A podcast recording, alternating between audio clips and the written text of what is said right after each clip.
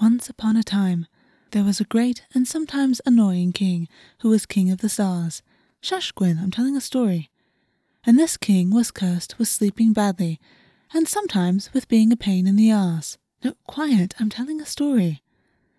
And so, this king, under the advice of his primary adviser, whose advice was always good and sound, and whom the king knew that he must always listen to for his own good. Gwyn, you've really got to stop interrupting. This king decided to go on a quest to find a solution to his sleeping curse.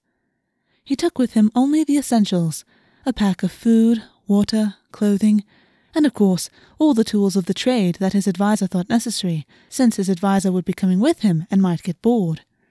Gwyn, stop making that face at me. They did not bring the king's ice dog because it was a large, grotesque, and smelly thing who always left a mess everywhere, and the king knew better than to argue with his adviser about it and so they set off. They travelled far and wide, ranging the breadth of the kingdom and beyond, but no matter who they spoke to, none knew of a way to break the curse. The king despaired and thought to give up. Shh, trust me, Gwyn, I do know how to tell a good story. But his adviser suggested they look one more place before returning to the palace.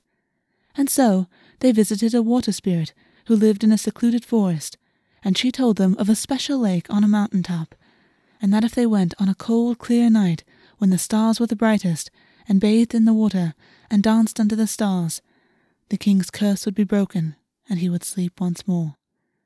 And so they went to this lake, and the waters were so still and clear that the stars from above were reflected perfectly in the waters below, and when the king of the stars stepped into them, it seemed as if he were surrounded by all the stars in the heavens and so he bathed in a sea of stars.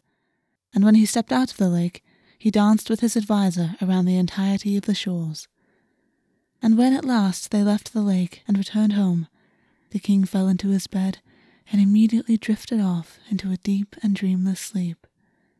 And his adviser stayed to watch over him, keeping him forever safe. Ah, oh, Gwyn, you look so peaceful when you are asleep, and you're not being a pain in the ass.